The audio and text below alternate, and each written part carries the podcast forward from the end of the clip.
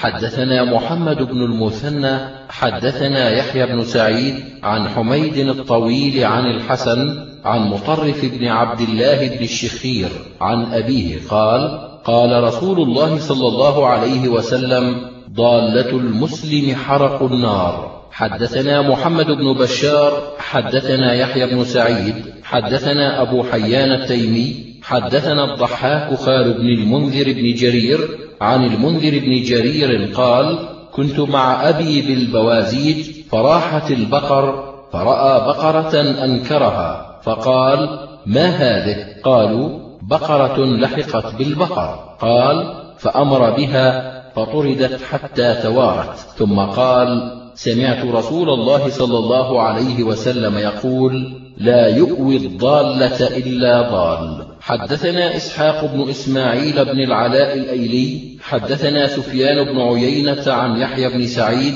عن ربيعة بن أبي عبد الرحمن عن يزيد مولى المنبعث عن زيد بن خالد الجهني فلقيت ربيعة فسألته فقال حدثني يزيد عن زيد بن خالد الجهني عن النبي صلى الله عليه وسلم قال سئل عن ضالة الإبل فغضب واحمرت وجنتاه فقال ما لك ولها. معها الحذاء والسقاء. تلد الماء وتأكل الشجر حتى يلقاها ربها. وسئل عن ضالة الغنم فقال خذها فإنما هي لك أو لأخيك أو للذئب. وسئل عن اللقطة فقال اعرف عفاصها ووكاءها وعرفها سنة. فإن اعترفت وإلا فاخلطها بمالك. حدثنا أبو بكر بن أبي شيبة حدثنا عبد الوهاب الثقفي عن خالد الحذاء عن أبي العلاء عن مطرف عن عياض بن حمار قال قال رسول الله صلى الله عليه وسلم من وجد لقطة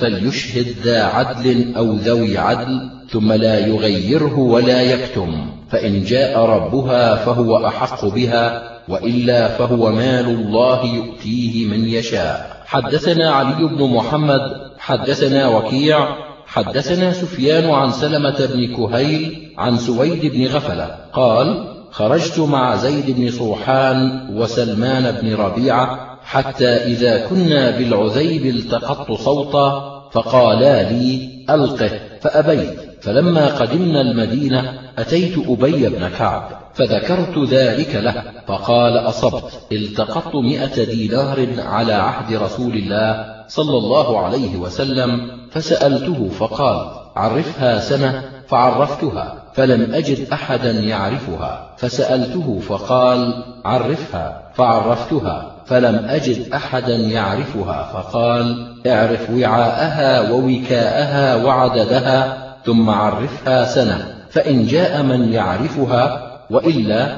فهي كسبيل مالك. حدثنا محمد بن بشار حدثنا أبو بكر الحنفي وحدثنا حرملة بن يحيى حدثنا عبد الله بن وهب قالا حدثنا الضحاك بن عثمان القرشي حدثني سالم أبو النضر عن بشر بن سعيد عن زيد بن خالد الجهني أن رسول الله صلى الله عليه وسلم سئل عن اللقطة فقال عرفها سنة فإن اعترفت فأدها فإن لم تعترف فاعرف عفاصها ووعاءها ثم كلها فإن جاء صاحبها فأدها إليه. حدثنا محمد بن بشار حدثنا محمد بن خالد بن عثمة حدثني موسى بن يعقوب الزمعي حدثتني عمتي قريبة بنت عبد الله أن أمها كريمة بنت المقداد بن عمرو. أخبرتها عن ضباعة بنت الزبير عن المقداد بن عمرو أنه خرج ذات يوم إلى البقيع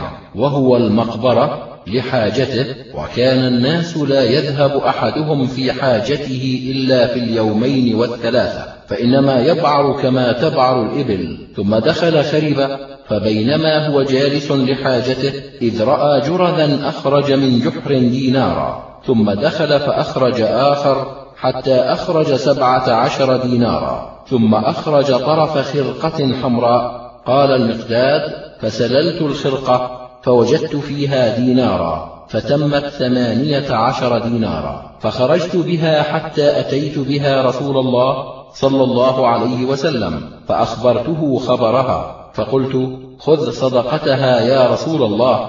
قال ارجع بها لا صدقة فيها. بارك الله لك فيها. ثم قال لعلك أتبعت يدك في الجحر قلت لا والذي أكرمك بالحق. قال فلم يفن آخرها حتى مات. حدثنا محمد بن ميمون المكي وهشام بن عمار.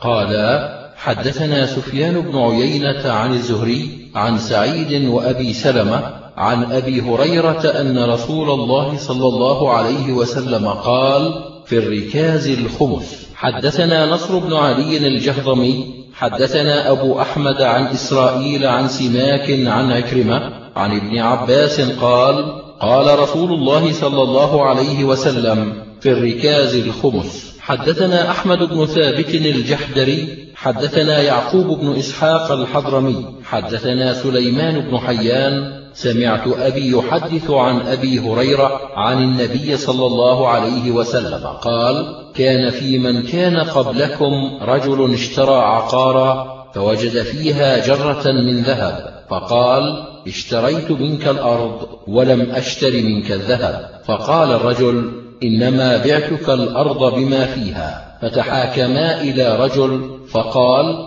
ألكما ولد؟ فقال أحدهما لي غلام. وقال الآخر لي جارية. قال فأنكحا الغلام الجارية ولينفقا على أنفسهما منه وليتصدقا.